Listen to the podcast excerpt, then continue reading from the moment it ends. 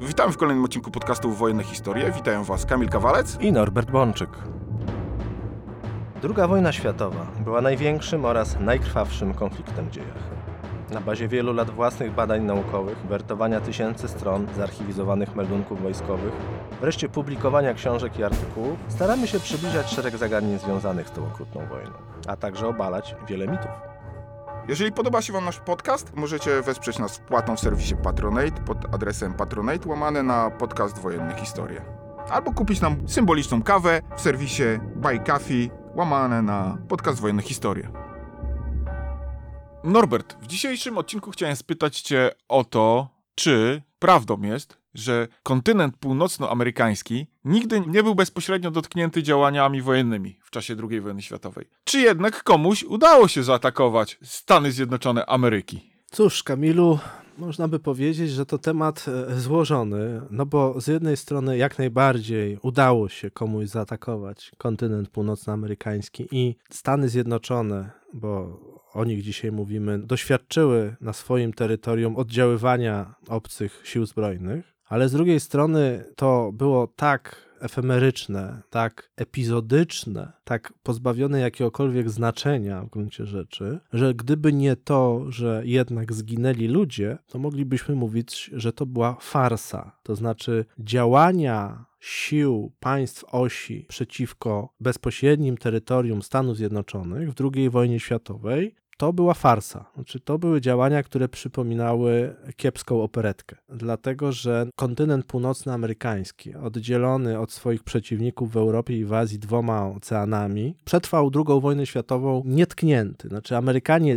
mogli się tak doskonale rozwijać w II wojnie światowej, tak zbudować swoją potęgę, nie tylko dzięki temu, że mieli olbrzymi przemysł, olbrzymie terytorium, olbrzymią liczbę ludności i oczywiście doskonały dostęp do surowców, to były rzeczy najważniejsze, ale również mieli to szczęście, że ich kontynent był izolowany od tej wojny, że wojna toczyła się gdzie indziej, więc oni mogli spokojnie rozwijać swoje siły zbrojne i szykować je na terenie Stanów Zjednoczonych, kontynentalnych Stanów Zjednoczonych, mogli szykować się do prowadzenia działań bojowych na innych obszarach, na innych kontynentach, przenosić tą wojnę do serca wroga kraju, samemu będąc bezpiecznymi. I to jest taka podstawowa konkluzja, podstawowe podsumowanie, że na terenie kontynentu północnoamerykańskiego zasadniczo nie toczyły się żadne istotne działania bojowe. Te działania bojowe, jeśli już, toczyły się na obszarze wysp, obok tegoż kontynentu, no bo Stany Zjednoczone miały taki podział administracyjny, no, że mieliśmy Stany Zjednoczone i mieliśmy terytoria zależne, czyli terytoria zależne, polecamy tu odcinek o Manili, amerykańskie terytoria zależne, czyli właśnie przede wszystkim archipelag filipiński oraz wyspy takie jak Wake czy Guam, one po prostu padły ofiarą japońskiej agresji w II wojnie światowej, więc to były obszary administracyjnie amerykańskie. No Filipiny były przecież olbrzymim archipelagiem kampania filipińska roku 1942, jak już kiedyś mówiłem, to była największa amerykańska klęska w II wojnie światowej. Ale Amerykanie tego tak nie postrzegają, bo jednak dla przeciętnego Amerykanina, nawet wtedy, Filipiny to nie była USA, bo mimo wszystko było coś takiego jak terytorium własne i terytoria zależne, można by wręcz powiedzieć amerykańskie kolonie. I te Filipiny, to Guam, to Wake, to bolało, ale to była wojna o kolonie, a nie wojna na terenie realnych, rzeczywistych Stanów Zjednoczonych. I właśnie dlatego tak Amerykanów boli Pearl Harbor, bo Hawaje postrzegają i pod względem prawnym, administracyjnym tak jest, już jako integralną część Stanów Zjednoczonych. W amerykańskiej mitologii, amerykańskiej percepcji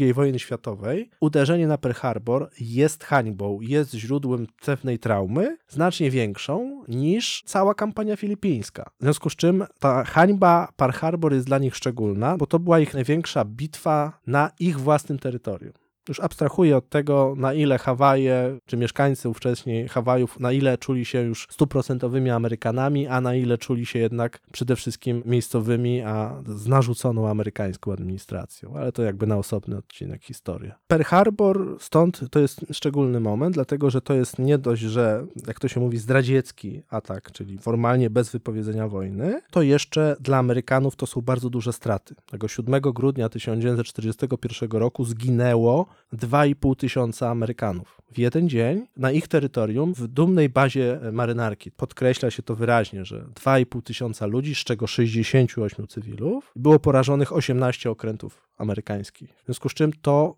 był jednostkowo najcięższy, najtrudniejszy dla Amerykanów atak przeciwnika na ich bezpośrednim terytorium, ale mimo wszystko Hawaje to nie jest kontynent północnoamerykański. Ale w takim razie, czy sam kontynent północnoamerykański doznał jakichkolwiek skutków II wojny światowej? Został zaatakowany? Tak, został zaatakowany, ale tak jak właśnie powiedziałem, no, jeżeli byśmy właśnie wyłączyli Pearl Harbor, które jest jednak dużą operacją o fundamentalnym znaczeniu dla przebiegu II wojny światowej i gdzie jest naprawdę dużo zabitych, tak jak powiedziałem, 2,5 tysiąca zabitych Amerykanów w jeden dzień to jest dużo. To, co się działo na samym bezpośrednio w kontynencie północnoamerykańskim, to była właśnie ta farsa. Znaczy, Niemcy i Japończycy podjęli wysiłki zaatakowania kontynentu północnoamerykańskiego. W obu przypadkach, i niemieckim, i japońskim, no nie wyszło im to zupełnie. Japończycy byli tu głównym przeciwnikiem Amerykanów, więc zacznę od tych drugich, czyli od Niemców. Niemcy już w czasie I wojny światowej zastanawiali się, no jak toczyć walkę z państwem położonym tak odległym miejscu, tak wielkim, z tak rozbudowanym przemysłem. Bo już w I wojnie światowej Amerykanie, którzy jeszcze może nie byli super wtedy żołnierzami, nie mieli wielkiej floty wojennej, ale już byli wówczas największą potęgą przemysłową świata. No i Niemcy zastanawiali się, jak z nimi walczyć. Konkluzja była dla Niemców dosyć przykra, znaczy, że zasadniczo to się z tymi Amerykanami walczyć nie da. Znaczy, nie da się za bardzo przenieść wojny na ich terytorium, ale to, że się zasadniczo nie da, nie znaczy, że nie należy próbować. I w czasie I już wojny światowej Niemcy sięgnęli po dwa rodzaje środków walki, po które również sięgną w II wojnie światowej. Pierwszym był okręt wojenny, w tym wypadku okręt podwodny, bo tylko taki okręt był w stanie dopłynąć do wybrzeża Stanów Zjednoczonych, a drugim narzędziem był sabotaż. I jeszcze zanim Stany Zjednoczone oficjalnie przystąpiły do I wojny światowej, latem 1916 roku, kiedy jeszcze utrzymywały relacje dyplomatyczne z Niemcami cesarskimi, ale było wiadomo, że masowo sprzedają broń Francuzom i Anglikom, Niemcy próbowali działań sabotażowych na terenie USA. Właściwie spracowała im jedna taka akcja w lipcu 1916 roku w porcie Nowym Jorku, kiedy sabotażyści niemieccy wysadzili w powietrze jeden z magazynów. Zresztą Amerykanie z początku nawet się nie zorientowali, że to był sabotaż. Stwierdzili, że no coś wybuchło, no więc trzeba zrobić śledztwo, co się właściwie stało. No ale to był taki incydent. Więcej rabanu propagandowego narobiono już, kiedy Stany Zjednoczone były w wojnie, bo w lipcu 1918 roku jeden z niemieckich okrętów podwodnych, który przypłynął do wybrzeży Stanów Zjednoczonych, postanowił zaatakować atakiem nawodnym przy użyciu armaty taki niewielki konwój barek zaopatrzeniowych, który wyszedł z portu Nowy Orlean na południu Stanów Zjednoczonych. No i z tej armaty zaczął w ten konwój prażyć. No tak prażył, że część pocisków przeniosło na kontynent północnoamerykański. Potem jak weźmiesz jakąś amerykańską literaturę o regularnych działaniach wojennych na kontynencie północnoamerykańskim w I wojnie światowej, czy w ogóle szerzej w wieku XX, to urosło to wręcz do skali straszliwego zagadnienia, jakim prawem ci Niemcy te parę pocisków w bagno wpakowali nam pod Nowym Orleanem. To znaczy, wiesz, jak nie masz żadnych problemów, to je sobie zaczynasz stwarzać. Jak nie masz historii działań wojennych na własnym kontynencie, bo już nikt ci nie zagraża, to każdy epizod, każdy nieistotny szczegół, znaczy nieistotny w sensie w szerszym aspekcie prowadzenia wojny, wyłapujesz. Każdy epizod urasta do rangi jakiegoś symbolu, wydarzenia, dzieła pomnikowego. Wyobrażasz sobie z punktu widzenia naszej narracji historycznej próbę przedstawienia każdego ostrzału. To, co się działo w Europie, działo się w takiej skali, że takie przypadki rzadko kto zauważał. A tutaj niemiecki okręt podwodny strzela do jakiejś barki, przenosi pociski na jakieś bagno, ale to już jest kontynent północnoamerykański. I tam znajdziesz w amerykańskich książkach taką zabawną informację, że to był pierwszy przypadek ostrzelania terytorium Stanów Zjednoczonych od 1800 tam któregoś roku. Taka ciekawostka z naszego punktu widzenia raczej raczej zabawna. I zobacz, ile Amerykanie mieli szczęścia. Oczywiście te pociski trafiły w nic. Może jakiś aligator doznał uszczerbku, ale żaden Amerykanin ani nie zginął, ani nie został ranny. 20 lat później, tak jak powiedział marszałek Foch, pokój w Wersalu nie był pokojem, był zawieszeniem broni na 20 lat. I 20 lat później zaczęła się kolejna wojna światowa, która ostatecznie doprowadziła do tego samego, co w I wojnie światowej, to znaczy, że Stany Zjednoczone i Niemcy stanęły przeciwko sobie. I Niemcy stanęli znowu przed tym samym dylematem. Jak toczyć wojnę z USA? Hitler już w roku 1940 po pokonaniu Francji miał świadomość, że prędzej czy później dojdzie do wojny ze Stanami Zjednoczonymi. Tutaj pokładał dosyć dużą nadzieję w rozwoju bombowców strategicznych, broni międzykontynentalnej, czyli bombowców, które mogły z Francji porazić wschodnie wybrzeże USA. Ale to z punktu widzenia ówczesnych niemieckich zdolności była fikcja, dlatego że co z tego, że Hitler wtedy w roku 40 chwalił się Mussoliniemu, że wkrótce będzie miał bombowce, które mogą zaatakować Nowy Jork. A chwalił się mu dlatego, że mu przedstawiciele Messerschmitta obiecali taki samolot. Tylko, że nie byli w stanie go zbudować. Znaczy prototypy bombowców dalekiego zasięgu nie były w stanie osiągać Nowego Jorku. To wynikało z wielu przyczyn, między innymi z kwestii zbyt słabych jednostek napędowych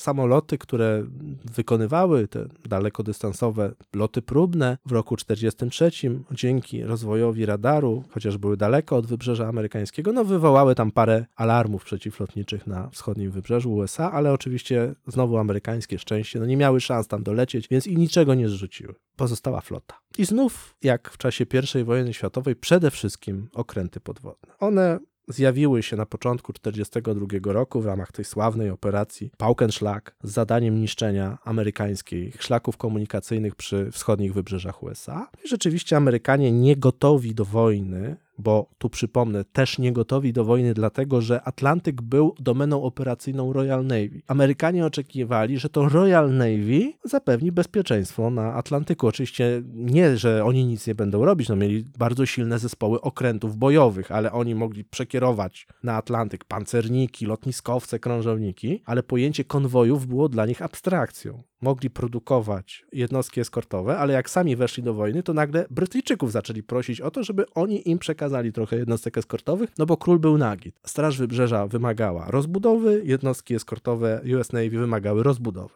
Tego jeszcze nie było, uboty już się zjawiły i w ramach tej operacji zaczęły paraliżować szlaki przybrzeżne amerykańskie, ale nie atakowały, nie odważyły się podejść do wybrzeży Kanady, gdzie formowały się konwoje, bo ten szlak dzięki temu, że uboty Denica uganiały się za bananowcami koło Florydy, to transportowce z amunicją ładowane w Nowym Jorku czy gromadziły się w Halifaxie i szły bezpiecznie do portów Wielkiej Brytanii. Było to uderzenie nie w punkt ciężkości. Niemcy zeszli z punktu ciężkości na walkę o pusty tona. W związku z czym operacja była z jednej strony wspaniałym sukcesem. Setki zatopionych statków o wyporności kilku milionów ton zmusili Amerykanów do reakcji, do stworzenia systemu konwojowego. Pierwszy amerykański konwój został sformowany w maju 1942 roku i w tym momencie uboty musiały się cofnąć. Jeszcze przeszły na Morze Karaibskie. No Niemcy jeszcze szaleli, ale w gruncie rzeczy to niebezpieczeństwo zostało zażegnane i jako żywo te okręty nie działały na terytorium kontynentalnym, to znaczy nie atakowały amerykańskich portów. Nie było powtórki z Nowego Orleanu z roku 1918, też nie mogło być, bo projekcja amerykańskiej siły, szybkość reakcji uniemożliwiałaby ubotom dokonanie takiego ostrzału. Znaczy próbować mogły, ale ryzyko porażenia było bardzo duże. Skoro te uboty bezpośrednio nie atakowały terytorium Stanów Zjednoczonych, to w takim razie w jaki sposób mogły zagrozić temu terytorium Stanów Zjednoczonych? Znaczy mogły, tak jak powiedzieliśmy, coś ostrzelać, ale ostatecznie żaden z dowódców się na to nie zdecydował. Zastosowały połączenie tych dwóch praktyk, o których mówiliśmy, to znaczy przy użyciu okrętów podwodnych do Stanów Zjednoczonych zostali przeszczeni niemieccy sabotażyści. To była operacja o kryptonimie Pastorius. To był czerwiec roku 1942. Dwa uboty, dwie misje na każdym okręcie czterech sabotażystów. Jedni lądują na Long Island, na wyspie, która leży obok Nowego Jorku, a kolejnych czterech ląduje koło Florydy. Czyli chcesz powiedzieć, że dwa uboty przepłynęły cały Atlantyk, żeby wysadzić czterech sabotażystów? No, mówię ci, że Stany Zjednoczone w II wojnie światowej naprawdę miały szczęście. Znaczy ta operacja była jakąś farsą. Znowu używam tego słowa, ale ośmiu ludzi dokonało desantu i to, to byli tacy sabotażyści, że pierwsza czwórka wylądowała na Long Island. I to ciekawe, oni lądowali na pontonie w mundurach Kriegsmarine. Więc to po prostu był desant Kriegsmarine. Kriegsmarine Wehrmacht dokonał desantu na Long Island siłą czterech ludzi na jednym pontonie. Rozumiem, że desant zakończył się z sukcesem w tym sensie, że dopłynęli. Tak, tylko że to mieli być sabotażyści. Wiesz, i wyobrażasz sobie sabotażystę jako bezwzględnego agenta w służbie, w tym wypadku Adolfa Hitlera. Co się stało? Sabotażyści wylądowali, przebrali się w cywilne mundury i spotkali nieuzbrojonego strażnika Prawdopodobnie w normalnych okolicznościach e, zostałby zabity. Ale to nie były, jak widać, normalne okoliczności, bo oni go przekupili, żeby siedział cicho i sobie poszli. A on oczywiście od nich pieniądze wziął, po czym poszedł na komisariat i poinformował, że sabotażyści wylądowali na Long Island. Czyli już desant zakończył się niepowodzeniem. No jeszcze nie, zaczęto ich szukać, ale już było wiadomo, że są. Więcej pecha miał drugi desant, który wylądował koło Florydy, bo tam w ramach tego desantu jeden z tych sabotażystów sam się zgłosił do FBI i powiedział, że wylądowali. Mo- może to wystarczy za komentarz. No, za komentarz wystarczy to, że się zgłosił i nie tylko powiedział, że wylądowali, ale powiedział, gdzie się mają skontaktować, jakie mają plany, wszystkich wsypał i po paru dniach wszyscy już byli aresztowani. Czyli jednym słowem przeszedł na stronę Amerykanów. Tak, przeszedł na stronę Amerykanów. Dzięki temu on i jeszcze drugi, który również postanowił to zrobić, zachowali życie. Pozostałych sześciu wkrótce skazano na karę śmierci i karę wykonaną przy użyciu krzesła elektrycznego. Tak zakończyły się niemieckie desanty na terenie Stanów Zjednoczonych. No jeszcze w 1944 roku był jeszcze jeden, równie udany, można by powiedzieć. Ale ta operacja Pastorius z 1942 roku, no ona miała za zadanie, ci ludzie mieli dokonywać sabotaży w fabrykach, niszczyć kluczowe mosty, elektrownie, uderzyć w amerykańskie czułe punkty. Cóż z tego, skoro jeden okazał się zdrajcą, a drugi okazał się być najwyraźniej źle przeszkolony. W związku z czym cała operacja zakończyła się kompletną klęską i tak naprawdę kompromitacją niemieckich służb. No, niemieckie służby specjalne w walce z anglosasami sobie po prostu nie radziły w II wojnie światowej. Całkowita klęska i klapa, a operacja Pastorius jest tego doskonałym przykładem. I właśnie można by powiedzieć, że te niemieckie wysiłki sprowadzały się do tego. Żaden z dowódców ubotów nie postanowił zaatakować ogniem artyleryjskim portu, mimo że amerykańskie miasta były oświetlone. I powiedziałem, że amerykańska reakcja byłaby szybka, ale być może zbyt optymistycznie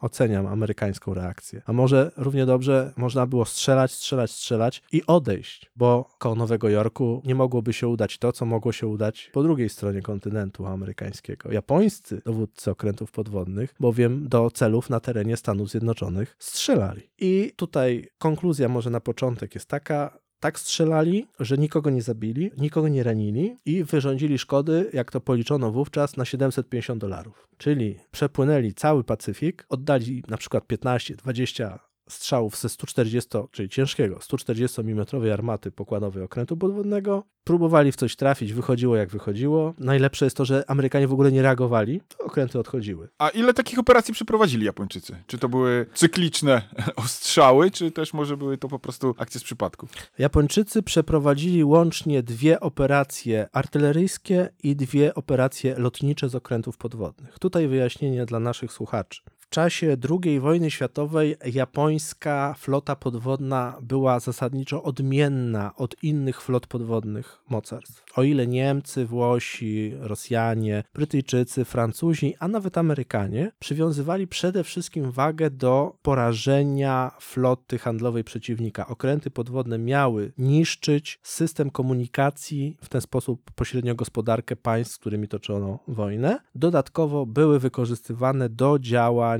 przeciwko flocie przeciwnika, do walki z okrętami przeciwnika, ale ich podstawową i najważniejszą rolą na polu walki była walka z flotą handlową wrogiego państwa. U Japończyków było inaczej. Japończycy uważali, że ich flota podwodna jest przedłużeniem ich floty nawodnej i musi służyć przede wszystkim do walki z okrętami przeciwnika. Okręty podwodne są jakby strażą przednią albo siłami uzupełniającymi dla floty nawodnej i to powodowało, że japońskie okręty podwodne miały specyficzną konstrukcję. Podobnie jak amerykańskie były duże, znacznie większe niż okręty budowane w Europie. O ile amerykańskie były większe niż europejskie, to te japońskie były jeszcze większe niż te amerykańskie. To były często wręcz podwodne krążowniki, ponieważ musiały przemieszczać się na olbrzymie przestrzenie. I między innymi Japończycy mieli serię takich okrętów podwodnych, których reprezentantem były jednostki takie jak I-17 czy I-25. To były takie okręty, które miały podwodną wyporność powyżej 3000 ton, a nawodną 2500 ton. Porównajmy. Nasz sławny okręt podwodny ORP Orzeł, wybudowany w Holandii, który był dużym okrętem, mówiono nawet, że on jest za duży na Bałtyk, że to był taki okręt wręcz oceaniczny. To ten nasz orzeł, on miał wyporność 1100 ton, a ten japoński taki okręt dalekiego działania wypierał trzy razy więcej był uzbrojony w ciężką armatę kaliber 140 mm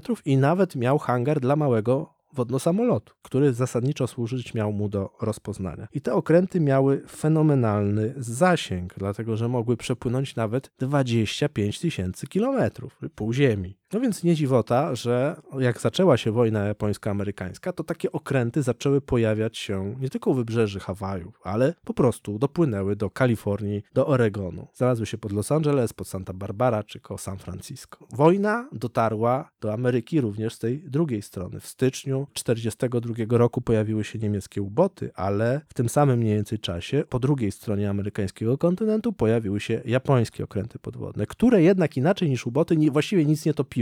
Znaczy, oczywiście, ktoś zaraz powie, lista statków handlowych zatopionych lub uszkodzonych przez japońskie okręty u wybrzeży Kalifornii oczywiście nie jest super krótka, ale to nie jest żadne porównanie do tego, co robili Niemcy po drugiej stronie. Niemcy topili olbrzymie ilości jednostek, Japończycy z racji odmiennej taktyki, koncepcji użycia swoich okrętów byli znacznie mniej efektywni. Ale w lutym 1942 roku wydarzyło się to, co tak kiedyś w lipcu 1918 roku wstrząsnęło amerykańską opinią publiczną. Wrogi okręt wojenny rozpoczął artyleryjski ostrzał macierzystej ziemi Stanów Zjednoczonych. O ile jednak w lipcu 1918 roku dowódca U-156, bo taki był okręt strzelający koło Nowego Orleanu, wcale nie chciał ostrzeliwać żadnego celu lądowego, o tyle 23 lutego 1942 roku komandor Kozo Noshino jak najbardziej chciał. To znaczy podpłynął w rejon Santa Barbara, w rejon Elwood w Kalifornii i wziął na cel zakłady oil field, czyli zakłady petrochemiczne, które się tam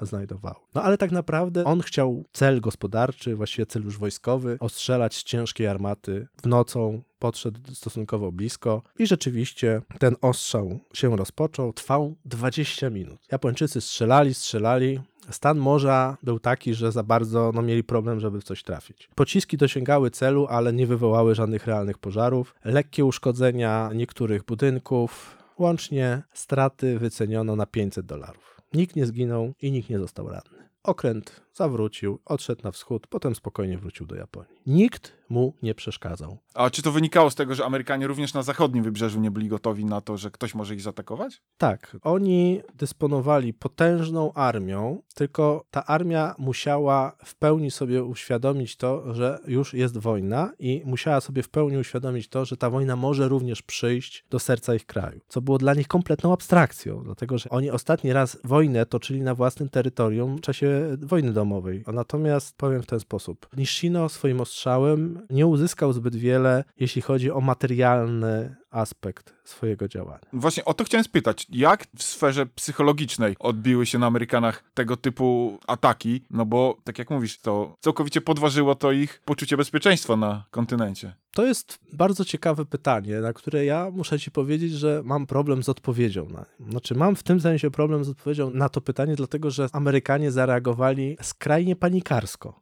Bo musisz sobie zdawać sprawę, że okręt nie tylko przypłynął do wybrzeży Stanów Zjednoczonych, ale on przypłynął do Santa Barbara, do Elwood, do bananowej Ameryki. Niemalże wymierzył cios w serce amerykańskiej kultury, no niemalże spalił Hollywood. Kto wie, może nawet wysadził desant i chciał porwać Czeplina. Oczywiście ja sobie teraz dworuję, ale chodzi o to, że Amerykanie przeżyli szok, że ktoś do nich strzela i że za chwilę milion Japończyków będzie lądował na zachodnim wybrzeżu. Znaczy, wytworzyła się psychoza. Ten okręt podwodny, nie robiąc właściwie niczego, wytworzył totalną psychozę. Najciekawsze jest to, że ludzie z wybrzeża dzwonili, że słuchajcie, no ostrzeliwuje nas, a to japoński pancernik, a to japoński krążownik, to nie wiadomo co nas ostrzeliwuje. Amerykanie popadli w psychozę. Ta psychoza objęła kilkanaście milionów ludzi na całym zachodnim wybrzeżu, od Oregonu na granicy z Kanadą po granicę z Meksykiem na południu. Czy Amerykanie po pierwsze wprowadzili zaciemnienie zachodniego wybrzeża. Kto nie zasłaniał okien, był uważany za japońskiego szpiega. Zdarzyło się tak zwłaszcza w Oregonie, że pobito wielu ludzi, którzy nie przestrzegali zaciemnienia. Dzień po ataku japońskiego okrętu podwodnego, 24 lutego, a właściwie w nocy z 24 na 25 luty 1942 roku rozegrało się coś, co przeszło do historii jako bitwa o Los Angeles. Otóż Amerykanie, będąc w stanie psychozy i oczekując japońskiego desantu, mimo że dowództwo marynarki mówiło, że ono kontroluje sytuację, że żadnego desantu nie będzie, że wojsko wie co robi, to jednak wojska lądowe, zwłaszcza jednostki obrony przeciwlotniczej, no miały swoją koncepcję. Ni z tego, ni zaczęły otwierać masowy ogień przeciwlotniczy, stawiać zapory ogniowe, włączać reflektory, szukać wroga, strzelać do nie wiadomo czego. Dwa takie gwałtowne zjawiska wieczorem 24 i rankiem 25 lutego wystrzelili ponad 1400 ciężkich pocisków artyleryjskich w niebo do celu, którego nie było. Dwie ciężkie nawały ogniowe, panika w Los Angeles, korki, wypadki samochodowe, jak w filmie. Panika, pięć osób zginęło. Trzy osoby zginęły w wyniku wypadków samochodowych wywołanych ostrzałem artyleryjskim, dwie dostały zawału serca z tego powodu. Pięć osób zginęło, ponieważ Amerykanie zaczęli do czegoś strzelać na niebie. Dowództwo poinformowało, że no doszło do pomyłki, że nie było żadnego celu, albo prawdopodobnie jakiś balon meteo się urwał i wzięli to go za japoński nalot bombowy, w związku z czym w Los Angeles ogłoszono alarm przeciwlotniczy i zaczęto strzelać. Rozumiem, że japoński okręt podwodny w tym czasie spokojnie płynął na Wyspy Macierzyste. Tak, tak. Ja myślę, że komandor Nishino nawet nie wiedział, co zrobił. Postawił na nogi całe zachodnie wybrzeże i tak naprawdę przeszedł do historii. Dlatego, że 40 lat później dwójka bardzo sławnych i niezwykle utalentowanych amerykańskich reżyserów i scenarzystów, Steven Spielberg i Robert Zemeckis, stworzył taką komedię 1941 wiesz, przełom lat 70. i 80., 79 rok, ten 1941, to jest film, wiesz, gdzie mieliśmy ówczesne jakby gwiazdy amerykańskiej komedii, Johna Belushiego, Dana Aykroyda, Johnego Candy, ale też gwiazdy światowego formatu aktorskie, tak, Toshiro Mifune, Christopher Lee, oni wszyscy jakby zagrali w takiej komedii amerykańskiej, która była komedią, gdzie Amerykanie śmiali się z samych siebie. Ta bitwa o Los Angeles, ta wydumana japońska inwazja plus ten prawdziwy okręt podwodny zmaterializowały się w filmie, który jest z jednej strony szaloną komedią, a z drugiej strony jest idealnym podsumowaniem tego, co wtedy Amerykanie mieli w głowie. Po prostu ulegli rodzajowi zbiorowej psychozy i histerii. To wcale nie jest fajne, no ale pośmiać się z tego można, kiedy to po prostu szukano wroga, no bo ten wróg musiał nadejść. No, jak nie pojawiał się realnie, fizycznie, to go sobie po prostu stworzono. Można by powiedzieć, że rząd amerykański był lekko zażenowany całą sytuacją i stwierdził, że nic się nie stało. Dzisiaj ta cała historia, ta bitwa o Los Angeles, to urosła o różnego rodzaju teorie spiskowe. Do czego tak naprawdę ci Amerykanie strzelali? Ale to jakby zostawmy to na boku. I Japończycy nic nie zrobili. To wciąż Amerykanie sami sprokurowali kilka własnych ofiar śmiertelnych z powodu paniki. Jak niebezpieczna jest panika, to jest kolejny przykład. Ale drugi japoński atak na Pearl Harbor, taki już zupełnie zapomniany, bo nieporównywalnie mniejszy. To był marzec 1942 roku i to była tak zwana operacja K. Nie okręty, a wodno-samoloty, a dokładnie potężne łodzie latające Kawanishi H-8K, dwa egzemplarze, wykonały lot długodystansowy, pierwotnie z zadaniem stwierdzenia, jak wyglądają obecnie Hawaje, jak wygląda Pearl Harbor po ataku grudniowym. I to był taki lot długodystansowy łodzi latających i jedna z nich dokonała bombardowania na Hawajach, tyle tylko, że właściwie nic nie trafiła. W związku z czym tu strat już nie było, Amerykanie po raz kolejny mieli szczęście i już potem więcej nigdy japońskie łodzie dalekiego rozpoczęły rozpoznania nie będą dopuszczone do Hawaju. To był tylko jedyny taki bardzo ciekawy epizod, pokazujący z jednej strony, że można zrobić operację kombinowaną, czyli wysyłasz ciężki samolot o olbrzymim zasięgu, ale i tak jest za mały, żeby doleciał, ale jest wodno samolotem. Może wodować, wynurza się okręt podwodny dotankowuje go. On znowu startuje, rzuca bombę, wraca na punkt kontaktowy, kolejny okręt podwodny znowu go dotankowuje i wraca do bazy. Czyli operacja była tak naprawdę bardzo skomplikowana. Tak, była bardzo skomplikowana, ale Japończycy stwierdzili, że może trzeba je powtórzyć, ale potem już po klęsce o Midway, no bo próbowano jeszcze parę razy powtórzyć te naloty na Hawaje przy użyciu tych H-8K, ale już potem się to nie udało. To ten pierwszy nalot z marca był, okazał się być jedynym. To był taki drugi zapomniany atak na Pearl Harbor, no ale jest różnica. Tutaj cały zespół uderzeniowy, tysiące ofiar, a tutaj nikomu nic się nie stało. W jednej szkole szyby wypadły, no bo do tego to się sprowadzało. Ale rozmawialiśmy o tym, że był jeden japoński okręt podwodny. W czerwcu 1942 roku pojawił się jeszcze drugi okręt podwodny. Taki sam, to był I-25 komandora Tagami. On z kolei postanowił nie atakować miasta, ale wybrał sobie jeszcze bardziej ambitny cel zaatakował fort nadbrzeżny. To był Fort Stevens w stanie Oregon na północno-zachodnim krańcu USA. Stary XIX-wieczny fort, przystosowany do walki z okrętami nawodnymi przeciwnika. Stevens miał starą, ale bardzo silną artylerię, bo nie należy lekceważyć starych XIX-wiecznych armat w walce z okrętami w XX wieku. Niemcy, idąc na Oslo w kwietniu 1940 roku, bardzo boleśnie się o tym przekonali. Amerykanie mieli miażdżącą przewagę ognia w Forcie Stevens. Nie oddali ani jednego strzału do okrętu podwodnego I-25, który ich zaczął ostrzeliwać z jednej armaty kaliber 140 mm.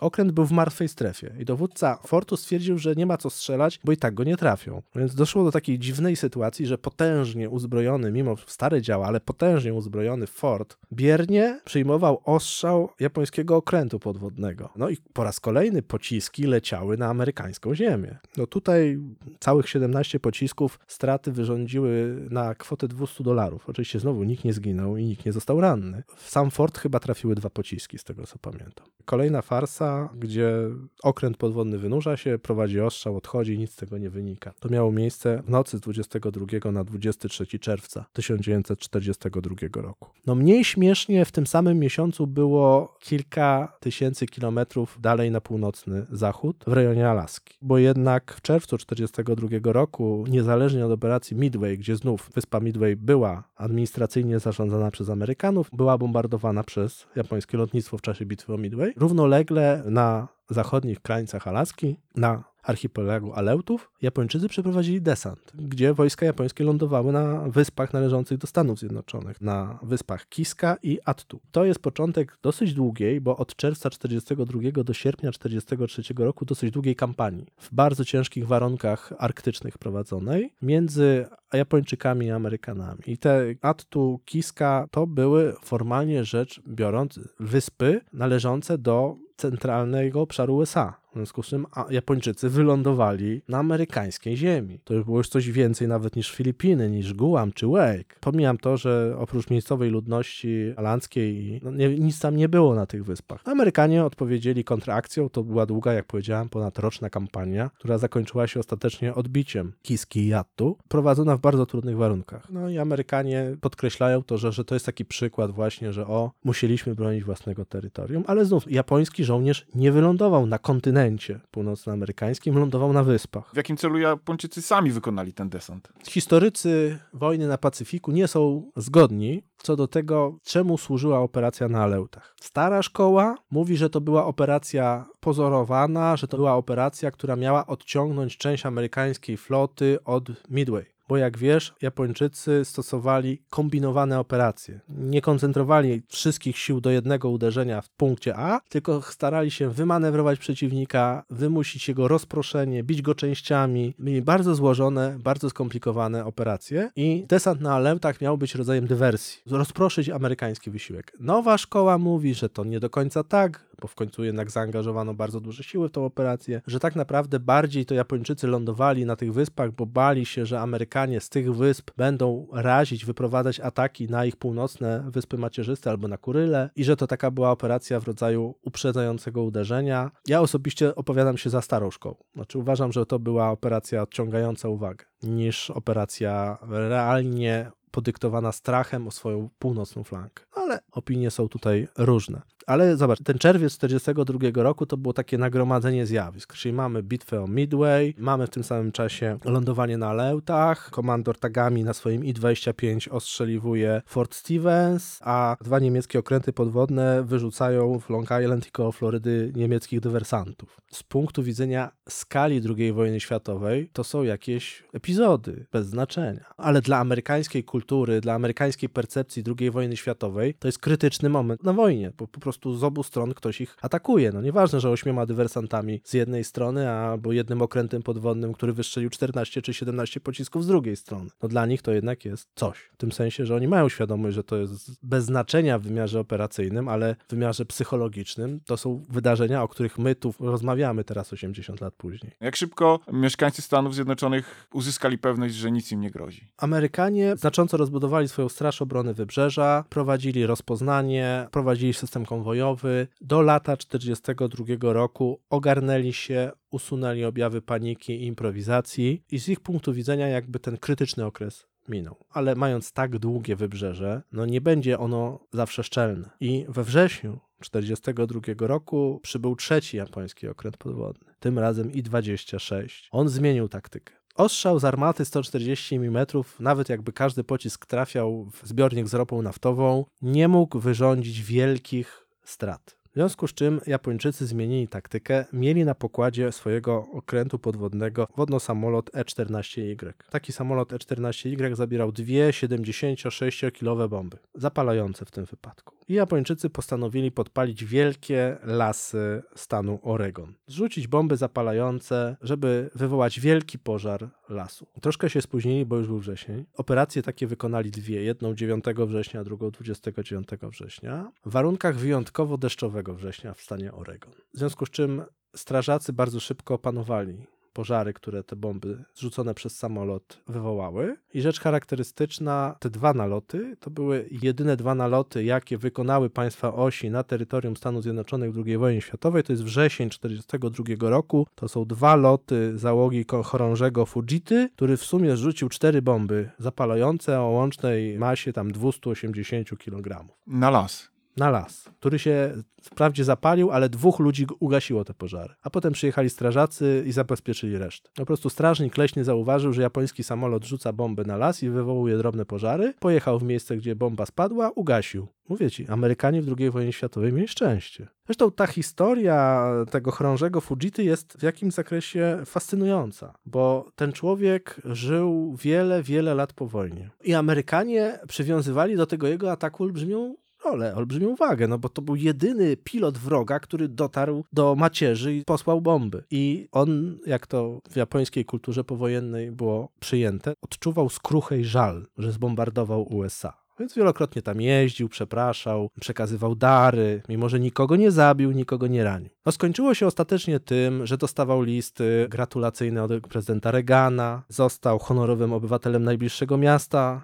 tam Brookings bodajże, obok tych lasów, zasadził drzewo w miejscu, gdzie zrzucił pierwszą bombę, a jak już zmarł, to jego córka część jego prochów rozrzuciła w tych lasach. W związku z czym to taka historia wojny i pojednania. Na najwyższych szczeblach japoński pilot, który zostaje ostatecznie honorowym obywatelem miejscowego miasteczka, koresponduje z prezydentem USA i przekazuje w darze na rzecz y, pojednania i pokoju 400-letni miecz samurajski jako dowód swojej skruchy za to, co uczyli. Typowo amerykański happy end. Tak, w tym wypadku możemy mówić o happy endzie, natomiast Japończycy wykonali jeszcze jedno uderzenie i tam takiego happy endu już do końca nie było. No bo zbombardowanie lasu przez wodno-samolot, czy ostrzał rafinerii przez okręt z jedną armatą w żaden sposób nie mógł zagrozić amerykańskiej gospodarce i amerykańskiemu potencjałowi w II wojnie światowej. I Japończycy to wiedzieli. I wpadli na dwa pomysły, żeby jednak tym Amerykanom zrobić krzywdę.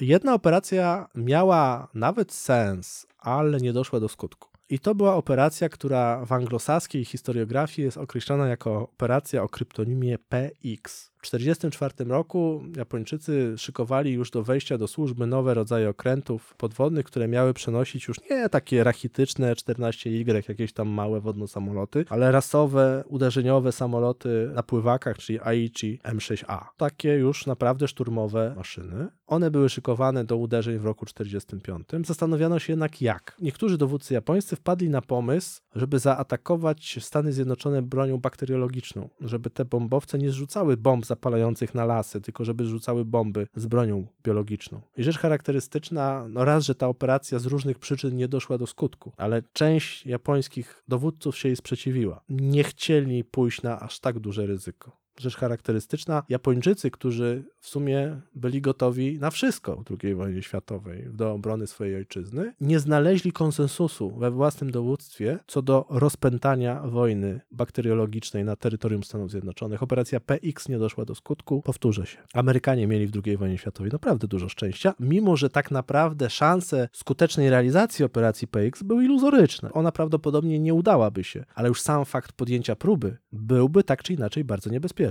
Japończycy się na to nie zdecydowali i to też należy dorzucić do tej amerykańskiej puli szczęścia. Skoro nie broń bakteriologiczna, to zmasowane uderzenie bombowe na Stany Zjednoczone. W II wojnie światowej było państwo, które dokonało próby zmasowanego uderzenia bombowego na USA i to była właśnie Japonia. Skoro nie można było dolecieć na terytorium Stanów Zjednoczonych przy użyciu samolotów, to sięgnięto po aerostaty, w tym wypadku po balony. Japończycy opracowali technikę bombardowania przy użyciu balonów. To przeszło do historii jako operacja Fugo od samych balonów Fugo były relatywnie duże balony, które przenosiły niewielkie bomby zapalające i przeciwpiechotne. Te balony przynosiły dość skomplikowany mechanizm, który ustawiał wysokość lotu balonu, moment rzutu bomby. Z jednej strony to można powiedzieć, że to było prymitywne, ale całkiem skuteczne i od listopada 1944 roku z Wysp Macierzystych Japonii zaczęto wysyłać w kierunku Stanów Zjednoczonych balony z bombami. To było możliwe między innymi dzięki temu, że prądy powietrzne umożliwiały prowadzenie takiej operacji. To znaczy balony wypuszczane z wyrzutni na terenie północnej Japonii w ciągu kilku dni przelatywały, korzystając z właściwych prądów powietrznych na dużych wysokościach, przelatywały w kierunku Kanady, Alaski i całego kontynentu północnoamerykańskiego. Były tak zaprojektowane, że po prostu po paru dniach odpowiedni mechanizm wymuszał albo opad balonu, albo zrzucał ładunek. I w listopadzie 1944 roku Japończycy rozpoczęli taką operację, wysłali te balony Fugo, wysłali tych balonów 9300. To nie była mała liczba, tylko nie za bardzo wiedzieli, czy cokolwiek z tego wynika. I sami się zniechęcili, to znaczy w kwietniu 1945 roku stwierdzono, że operację należy przerwać, że należy zakończyć mimo wszystko dosyć drogą produkcję tych balonów, tych mechanizmów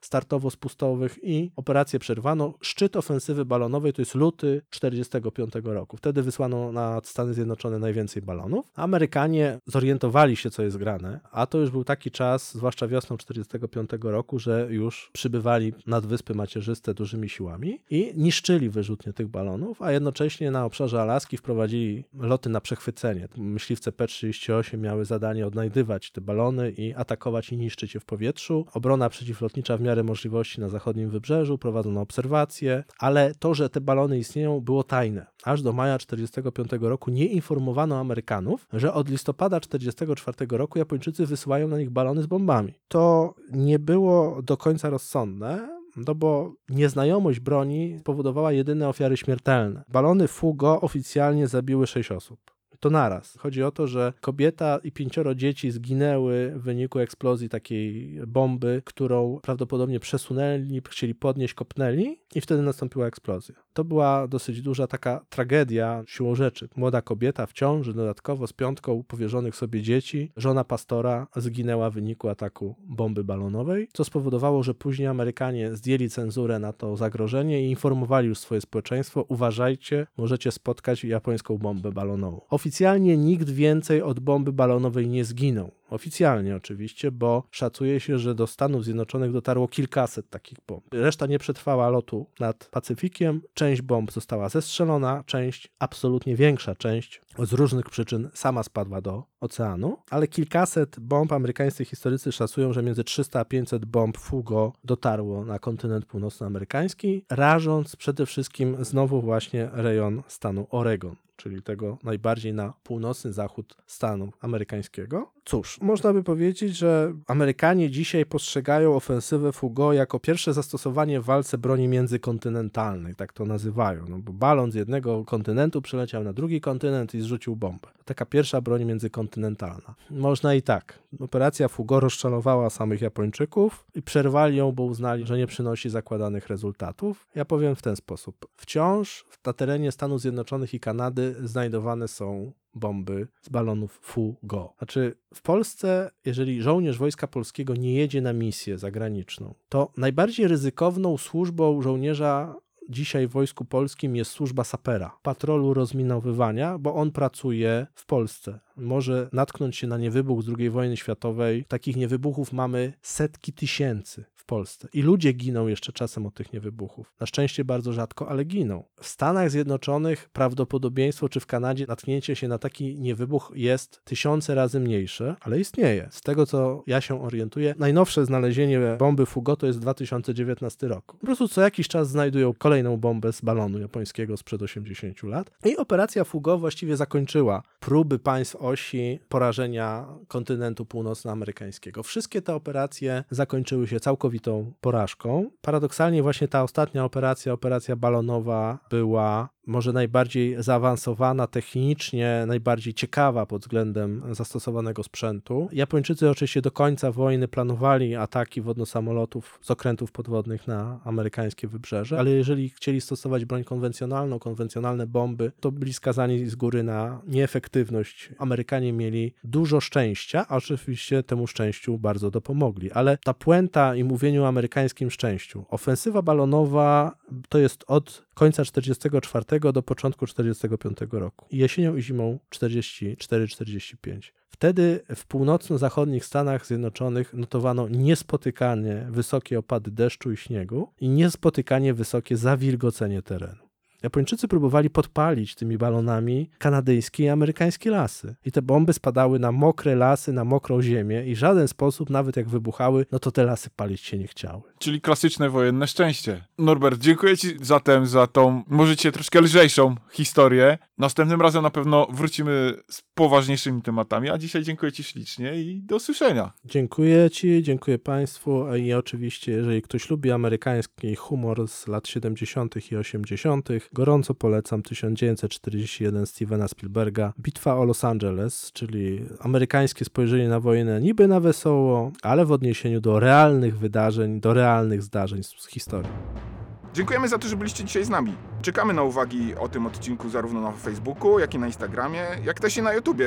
Wszędzie tam możecie nas znaleźć wpisując naszą nazwę, czyli Podcast Wojenne Historii. Dziękujemy Wam bardzo również za wsparcie, jakiego udzielacie nam w serwisie Patronate. To dla nas niesamowita sprawa i daje nam to niezwykłego kopa do dalszego działania. Bardzo za to dziękujemy i do usłyszenia do następnego odcinka.